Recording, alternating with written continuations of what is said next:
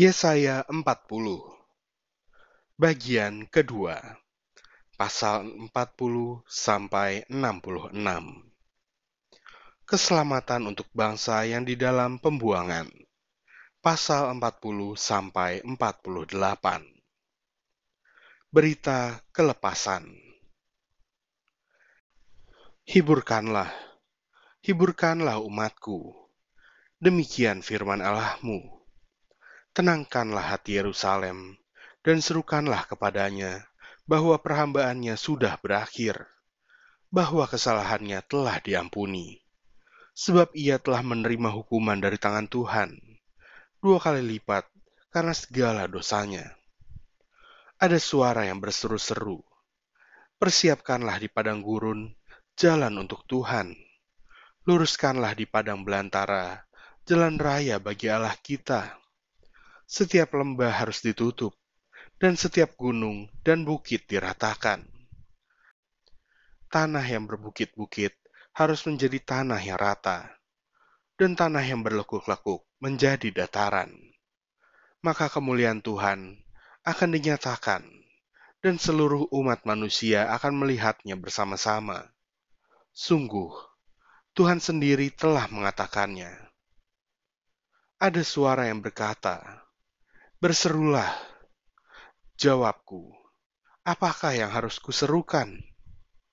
Seluruh umat manusia adalah seperti rumput, dan semua semaraknya seperti bunga di padang. Rumput menjadi kering, bunga menjadi layu, apabila Tuhan mengembusnya dengan nafasnya. Sesungguhnya lah bangsa itu seperti rumput. Rumput menjadi kering, bunga menjadi layu tetapi firman Allah kita tetap untuk selama-lamanya. Hai Sion, pembawa kabar baik, naiklah ke atas gunung yang tinggi.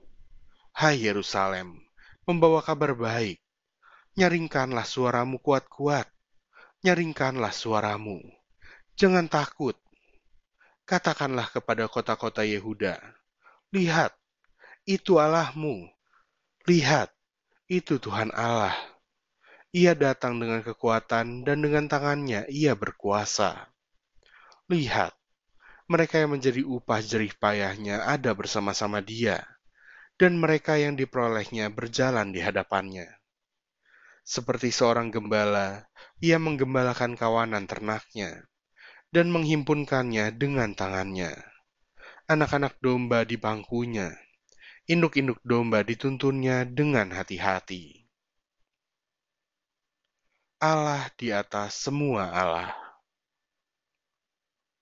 Siapa yang menakar air laut dengan lekuk tangannya dan mengukur langit dengan jengkal, menyukat debu tanah dengan takaran, menimbang gunung-gunung dengan dacing, atau bukit-bukit dengan neraca?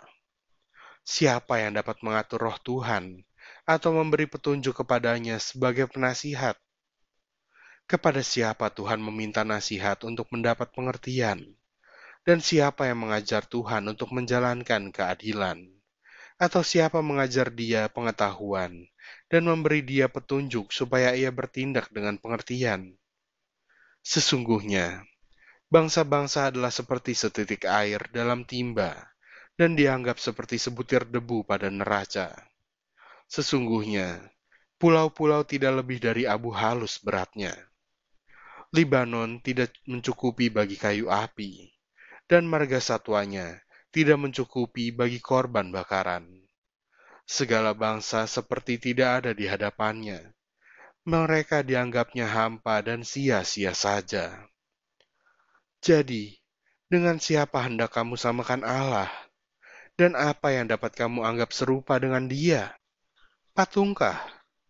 Tukang besi menuangnya, dan pandai emas melapisinya dengan emas membuat rantai-rantai perak untuknya.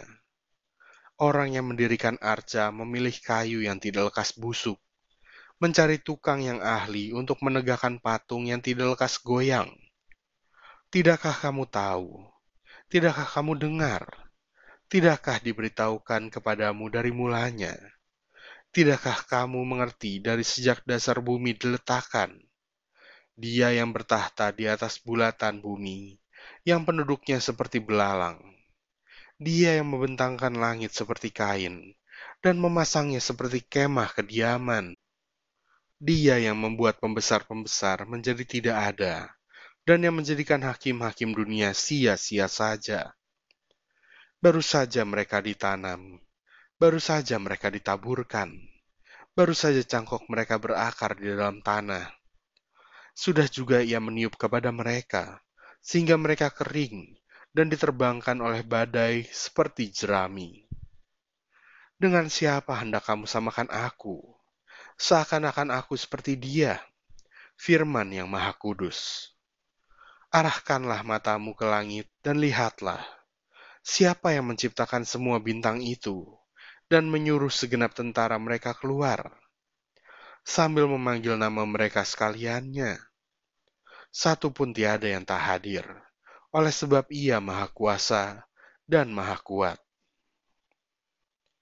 Mengapakah engkau berkata demikian, hai Yakub, dan berkata begini, hai Israel? hidupku tersembunyi dari Tuhan, dan hakku tidak diperhatikan Allahku. Tidakkah kau tahu, dan tidakkah kau dengar? Tuhan ialah Allah kekal, yang menciptakan bumi dari ujung ke ujung. Ia tidak menjadi lelah dan tidak menjadi lesu, tidak terduga pengertiannya. Dia memberi kekuatan kepada yang lelah, dan menambah semangat kepada yang tiada berdaya orang-orang muda menjadi lelah dan lesu, dan teruna-teruna jatuh tersandung. Tetapi orang-orang yang menanti-nantikan Tuhan mendapat kekuatan baru. Mereka seumpama Raja Wali yang naik terbang dengan kekuatan sayapnya. Mereka berlari dan tidak menjadi lesu. Mereka berjalan dan tidak menjadi lelah.